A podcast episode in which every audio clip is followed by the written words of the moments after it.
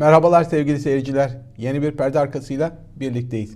Bugün gündeme bomba gibi düşen iddialar var. Bir defa Gökhan Bozkır Ukrayna'dan Türkiye'ye getirildi. Kim Gökhan Bozkır? Erdoğan niçin dün televizyonda bunun müjdesini verdi? MIT mi getirdi? Ukrayna iade mi etti? IŞİD silahları dosyası ne olacak? MIT silahlarını ifşa eden tüm diğer isimler gibi o da susturulacak mı? Yoksa yok mu edilecek? Göreceğiz. İkinci sırada Erdoğan'ın İsrail'e boyun eğdiği iddiası var. Erdoğan Hamas'ı İsrail'le anlaşmak için Türkiye'de Türk vatandaşlığı verip ofis açıp yayınlar yapmasına izin verdiği Hamas elemanlarını sınır dışı edecek. İsrail'in liste verdiği iddia ediliyor. Şubat ayında İsrail Cumhurbaşkanı'nın Türkiye'ye ziyaret edeceğini Erdoğan iddia etmişti ya da duyurmuştu. Son olarak Kılıçdaroğlu'nun dün gece yayınladığı bir video var. Bir yandaş gruba, Beşli Çete'nin bir üyesine sağlanan 6 milyarlık bir peşkeş var. Peşkeş diyorum çünkü fark bu kadar. Ama bir gün gazetesi yeni bir şey daha ortaya çıkardı. Sadece miktar o değil, çok daha büyük bir skandaldan bahsediyoruz. İsterseniz Gökhan Bozkır'la başlayalım. Bugün Türkiye'ye getirildiği iddia edildi. Erdoğan dün canlı yayında Necip Habibitoğlu'nun katil zanlısı Ukrayna'da bulundu dedi. MIT yerini tespit etti dedi. İlginç bir iddia. Şimdi e, Gökhan Nuri Bozkır sıradan bir isim değil. Özel Kuvvetler Komutanlığı'nda görev yapmış. E, Sak'ı getiren ekipten olduğu iddia ediliyor. Ukraynalı bir kadınla evli ve Ukrayna'ya 2015'te geçmiş. 2015'ten bu yana Ukrayna'da yaşıyor. İlginç olan şu, sauna operasyonu hatırlayın Ankara'da e, birçok isim asker ve sivillerin olduğu bir grup gözaltına alınmıştı. O operasyonda Ankara'da bir saunaya zorla bir çetenin el koydu. Sonra bu saunadan Ankara'daki bazı bürokrat ve siyasilerin görüntülerini alıp şantaj yapmayı planladıkları ya da ellerinde görüntüler olduğuna dair iddialar ortaya çıkmıştı. Sonrasında isimlere baskınlar yapılmıştı. İsimlerin evinde Gökhan Nuri Bozkır'da dahil gizli belgeler ele geçmişti. İşte o davada Gökhan Nuri Bozkır'a 6 yıl ceza verilmişti. Ve Gökhan Nuri Bozkır, şu an getirilen Gökhan Nuri Bozkır, devlete ait gizli belgeleri sızdırmaktan TSK'dan ihraç edilmişti. Sonrasında ne oldu? İlginç gelişmeler buradan başlıyor. 2019'da yani 15 Temmuz sonrası dönemde Ankara'da bir savcı Gökhan Nuri Bozkır'ın telefonunun Hablemitoğlu'nun öldürüldüğü yerde yakın bir yerde sinyal verdiğini, onun da bu işin içerisinde olduğunu iddia ederek Gökhan Nuri Bozkır'ı Ukrayna'dan resmen geri istedi. Türkiye daha doğrusu önce Interpol'den yakalama kararı çıkarttılar. Sonra da iadesini istediler. İşte asıl ilginç gelişmeler burada başladı. Gökhan Nuri Bozkır, Bozkır iadesine itiraz etti. Mahkemede dava açtı. Dava aleyhine sonuçlanınca o süreçte Ukrayna'da Strana diye bir medya sitesine, Ukraynalı bir siteye çok ilginç itiraflarda bulundu. İşte o itiraflardan bir kısmını okumaya çalışalım. 2007 yılında yurt dışındaki bağlantıları sayesinde ticarete başladığını, Gürcistan, İran, Afganistan, Bosna Hersek, Azerbaycan ve silahlı çatışmaların olduğu ülkelere ekipman, yiyecek ve insani yardım malzemeleri tedarik ettiğini söylüyor. Fakat 2012'den itibaren Bozkır, Suriyeli ortağı Türkmen gruplarının saha komutanı Halil Harmit'e silah tedarik etmeye başladığını söylüyor. İş burada bitmiyor. Bozkır'ın iddiası şu. MIT ve Türk makamları Suriye'ye silah sevkiyatına özellikle göz yumdular, izin verdiler diyor. Bozkır ilginç bir şekilde bu silah sevkiyatlarından görüntüler, fotoğraflar almış ve bu fotoğrafları, bu görüntüleri Strana'ya veriyor. Onlar da yayınladılar. Çuval çuval paraların görüntüleri, sevk edilen silahların görüntüleri. Bozkır'a göre Katar'dan o dönemde 7 tır dolusu para gönderilmiş. Ve bu paraların işte Suriyeli gruplara destek için kullanılması istenmiş. E, kendi iddiası şu, 2012'den 2015'e kadar Varşova Paktı ve bağımsız devletler topluluğu ülkelerinden temin ettiği silahları Suriye'deki gruplara tam 49 ayrı tırla sevk etmiş. 49 tır sevkiyattan bahsediyorum. Kendi iddiasına göre. E, 2015'e kadar bunlar sürüyor. Yine kendi iddiasına göre tüm bu e, sevkiyatlardan kendisinin sevkiyat başına 10 bin dolar para aldığını, 3 milyon dolar da bu sevkiyatlardan şişirdiğini ve farkın MIT'e aktarıldığını iddia ediyor. Bu onun iddiası. MIT tırları durdurulunca o meşhur iki ayrı MIT operasyonu vardı. 2015'te Şanlıurfa Akçakale'de soğan taşıdığı, Suriye'ye soğan taşıdığı düşünülen bir tır durduruldu. Bozkır'ın sevkiyatını yaptığı tırlardan bir tanesiymiş. O soğan tırı görünümündeki e, tır, üstünde soğan, altında silahlar olan tır, altında daha doğrusu patlayıcı madde çıkmıştı o tırın. E, kendi iddiası şu, MIT kendisine bu olaylar yatışına, yatışana kadar yurt dışına çıkması talimatı verdiğini iddia ediyor. Yani MIT'le birlikte çalıştığını, MIT'e para aktardığını, MIT'in de bu süreçte Ukrayna'ya gitmesi için kendisine talimat ya da tavsiyede bulunduğunu, yurt dışına kaçması için. 2015'ten bu yana Ukrayna'da eşi Ukraynalı diye zaten belirtmiştim. Ankara'da tanışmışlar, öğrenciyken evlenmişler. Şimdi e, MIT yerini tespit etti diyor Erdoğan. Zaten yeri saklı değilmiş. Hatta orada bir restoran işlettiğine dair de bir bilgi var. Yani herkes az çok nerede olduğunu biliyor. O kadar biliniyor ki zaten 2019'dan itibaren hakkında dava süreci var. Yakalama, yakalanmış, gözaltına alınmış, ev hapsi kararı verilmiş 6 ay. E şimdi MIT yerini tespit etti, getiriliyor mu yoksa Ukrayna'ya İHA'ların verilmesi, Ukrayna'ya yüklü miktarda karşılıksız para desteğinin sağlanmasının arkasında bu da mı var? Hatırlayın MIT Ukrayna'dan 6'ya yakın ismi kaçırarak Türkiye'ye getirmişti. Bunların içerisinde biri PKK'lı, dördü cemaatten isimler vardı. Aralarında bir de gazeteci vardı. Şimdi Gökhan Bozkır'ın yerini tespit ettiyse alıp da getirebilir miydi? Veya niye getirmedi? Veya niye şu ana kadar sürdü gibi farklı bakış açıları var. E, hatta iadesinin gecikmesini 3 yıl kadar sürmesini Ukrayna makamları Türkiye'nin belgeleri göndermemesi, geç göndermesinden kaynaklandığını iddia ediyor. Ee, Erdoğan'ın konuşmasında e, kim e, işte bu soğan görünümlü şeyler 6 e, ton yakalanıyor o tırda. Sonrasında ortaya çıkıyor ki 13 ton patlayıcıyı Denizli'den bir yerden temin etmişler. Götürmüşler. Bunun 6 tonu yakalanmış ama geri kalan kısmı sevk edilmiş. Yok ortada yok. Şimdi Gökhan Nuri Bozkır işte böyle bir isim. Erdoğan garip bir şekilde yine İletişim Bakanlığı attığı bir tweette garip bir şekilde Bozkır'ın FETÖ medyasına konuştuğunu iddia ediyor. Şimdi hani buna kargalar güler derler ya İletişim Bakanlığı'nın tweetinde de var. Size e, iki kişi iki kez röportaj yapmış bir isimden bahsedeyim. Toygun Atilla. Hürriyet gazetesinin o dönem çalışanı Ukrayna'ya gidiyor, röportaj yapıyor. Toygun Atilla daha sonra Oda TV'ye genel yayın yönetmeni oluyor. Oda TV'de genel yayın yönetmeni iken 2021 yılında işte burada gördüğünüz gibi yine görüntülü bir röportaj yapıyor Gökhan Nuri Bozkır ile. Oda TV'nin FETÖ ile ne alakası var cemaatle ya da Toygun Atilla o da TV'ye sığdırılmış cemaatin elemanı mı? Şakası çıkar tabii buradan. Ee, ya da niçin iktidar bu saptırmaya ihtiyaç duyuyor? Peki Hablemitoğlu'nun katili mi?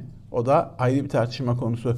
İşte bu röportajda biraz önce gösterdiğimiz Toygun Atilla'nın röportajında kendisi diyor ki ben zaten Ankara oranda oturuyorum. Çalıştığım yerde e, Hablemitoğlu'nun katledildiği yere yakın. Benim telefonumun oradan sinyal vermesinden daha tabi bir şey olmaz. Hablemitoğlu'nu görmedim, tanımadım. Göz göze hiç de gelmedim diyor. Toygun Atilla yayınlamış. O da TV'de bu iddiaları ya da bu iddialara Bozkır'ın cevaplarını. E, Hablemitoğlu'nun eşi de temkinli. Zira Erdoğan zevcesini, zennesini diyor ama zevcesini kastediyor diye düşünüyorum o röpor, e, dünkü açıklamalarında. Zevcesini de aradık, bilgilendirdik diyor. O da hadi bakalım diye bir gülücük atmış ve diyor ki biz canımızdan olup hayal bile edemeyeceğiniz zor bir 20 yılı tamamladık. Adalete, devlete inancımızı ve güvenimizi kaybettik. Ayrıca ne ailemize ne avukatımıza iletilen herhangi bir şey yok. Süreci yaşadıklarımızı bilemezsiniz. O yüzden yorumlarınıza dikkat ediniz. Ailede haklı bir temkinlilik içerisinde. Hablemitoğlu AKP döneminde işlenen ve hala aydınlatılamayan siyasi cinayetlerden ilkiydi. Sadece Gökhan Bozkır mı? Biz buna casuslar savaşta dedik çünkü bir tarafında MIT, MIT'i ifşa eden herkes MIT'e dokunan yanıyor.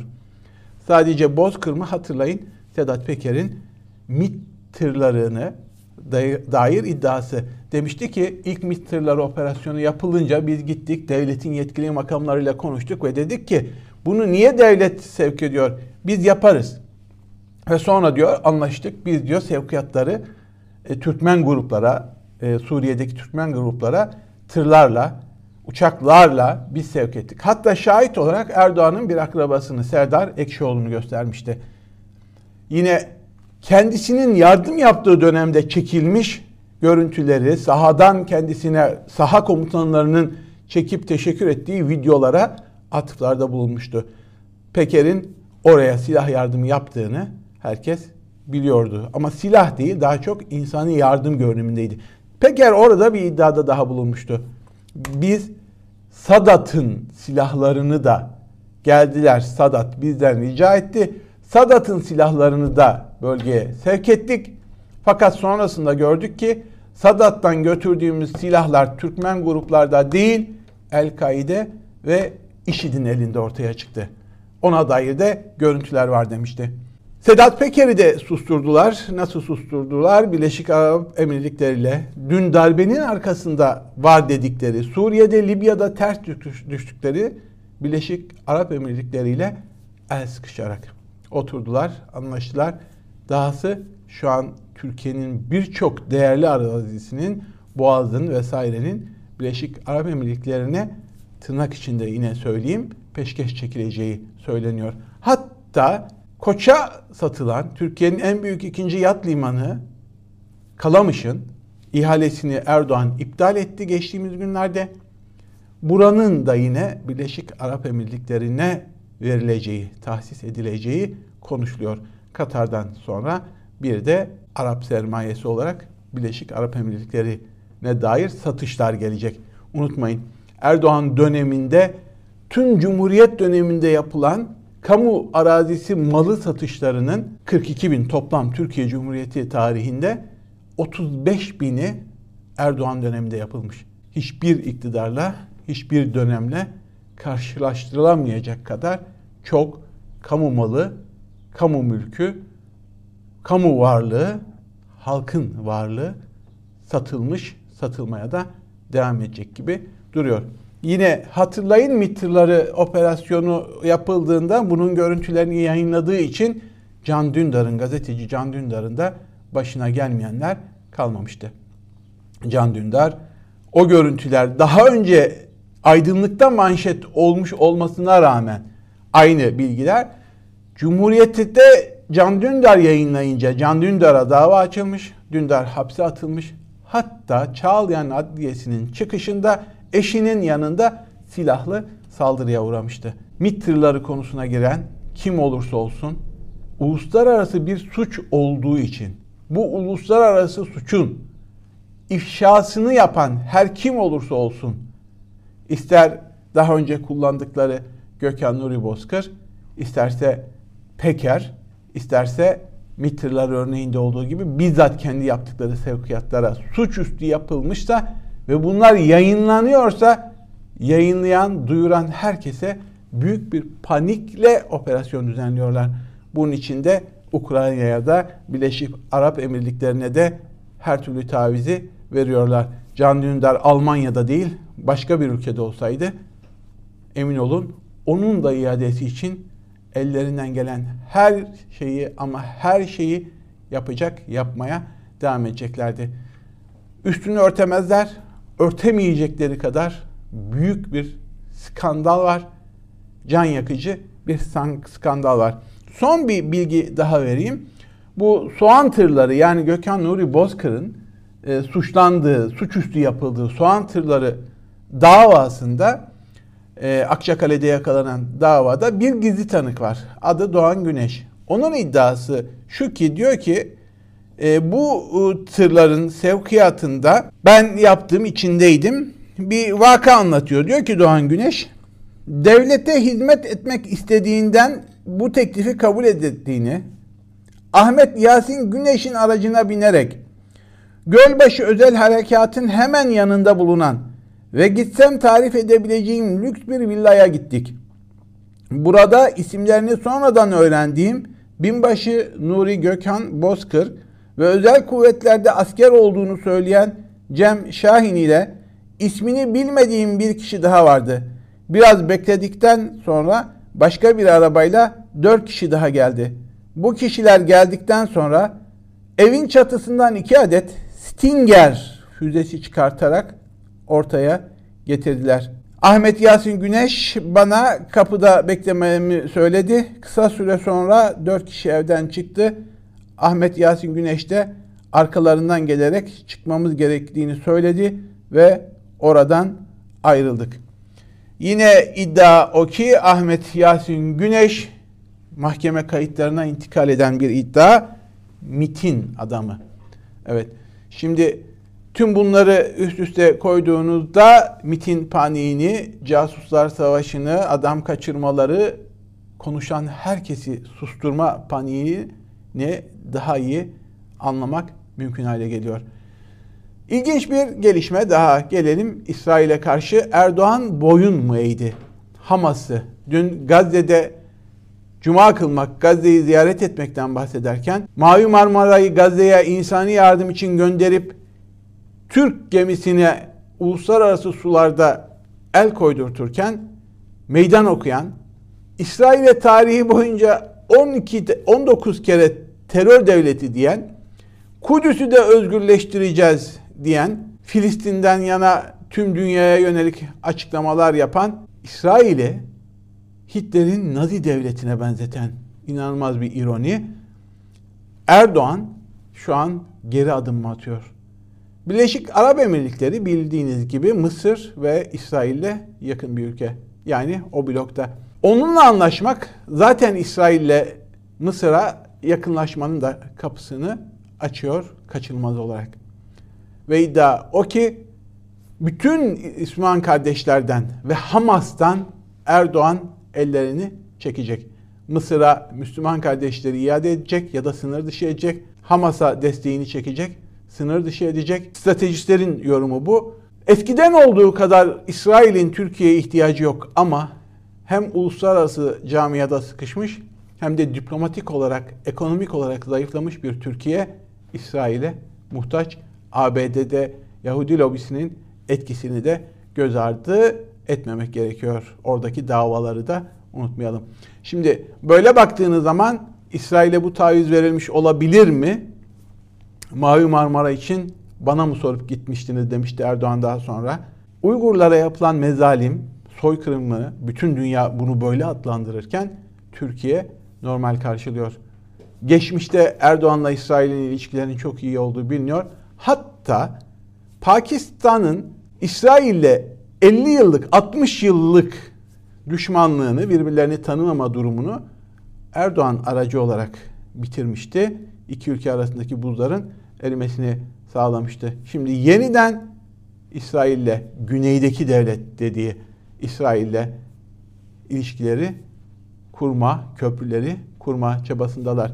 İddia şu, e, hatırlayın e, Çamlıca'da, Çamlıca e, Kulesi'nde iki İsrailli casusluk yaptığı Erdoğan'ın evini, konutunu çektiği iddiasıyla yakalanmışlardı. Bu iki isim serbest bırakıldı ama Erdoğan'ın talimatıyla gönderildiler. 20 gün 3 hafta tutuklu kaldıktan sonra casusluk iddiasıyla tutuklanmış, yargılanmadan iade edilmişlerdi. Bunun üstüne İsrail Cumhurbaşkanı Erdoğan'ı arayıp teşekkür ediyor. Yine İsrail'in e, başbakanı arayıp teşekkür ediyor ayrı ayrı günlerde. Bir yumuşama dönemine girildiği, öncesinde de zaten gizli görüşmeler yapıldığı söyleniyordu. Erdoğan'ın e, yeni şeyde şu e, Şubat ayında Herzog'un İsrail Cumhurbaşkanı'nın Türkiye'yi ziyaret edeceği iddiasıydı. Ne oldu? Ağustos 2020'de yani bir yıl önce Türkiye'deki Hamas ekibinin içinden birilerinin İsrail'e operasyon yapmak için sızdı. Bunların da gözaltına alındı. Pasaportları, Türk pasaportlarının da olduğu vesaire e, tespit edildiği iddiası var. Ellerinde olduğu iddiası var. E, Türkiye'ye de bu listenin tek tek isimlerin gönderildiği, bunlarla irtibatlı tüm isimlerin de gönderildiği ve Türkiye'den sınır dışı edilmelerinin istendiği söyleniyor. Bir böyle bir somut şey var. Yine İsrail'in iddiası Türkiye'deki Hamas ve Hamas'la ilintili gruplar İsrail'e yönelik sadece operasyonel planlamalar yapmıyorlar. Bizatihi Türkiye'den de siber savaş yürütüyorlar diyor İsrail e, strateji grupları ve e, siyasiler. Genel kanaat bu aşamadan sonra 2018'de e, karşılıklı olarak büyükelçiler geri çekilmişti. Bu aşamadan sonra e, iddia şu yeniden büyükelçiler de atanacak. Türkiye güneydeki komşusuyla Erdoğan'ın deyimiyle güneydeki ülkeyle de anlaşma durumuna yaklaşıyor ya da anlaşmak zorunda kalacak. E, son olarak Kılıçdaroğlu ile ilgili e, dile getirdiğimiz hususu e, belirtelim. Kılıçdaroğlu dün canlı yayında, daha doğrusu dün bizzat kendisi yayın yaparak Twitter'da, sosyal medyadan bir video yayınladı. Ve dedi ki 6 milyar TL peşkeş çekildi. Bugün onunla ilgili Bir Gün gazetesinde oldukça geniş bir iddia e, haber var. Haber şu. Bu ihale Bandırma Bursa Yenişehir Osmaneli Yüksek Standartlı Demir Yolu projesiymiş. İptal edilen ihale.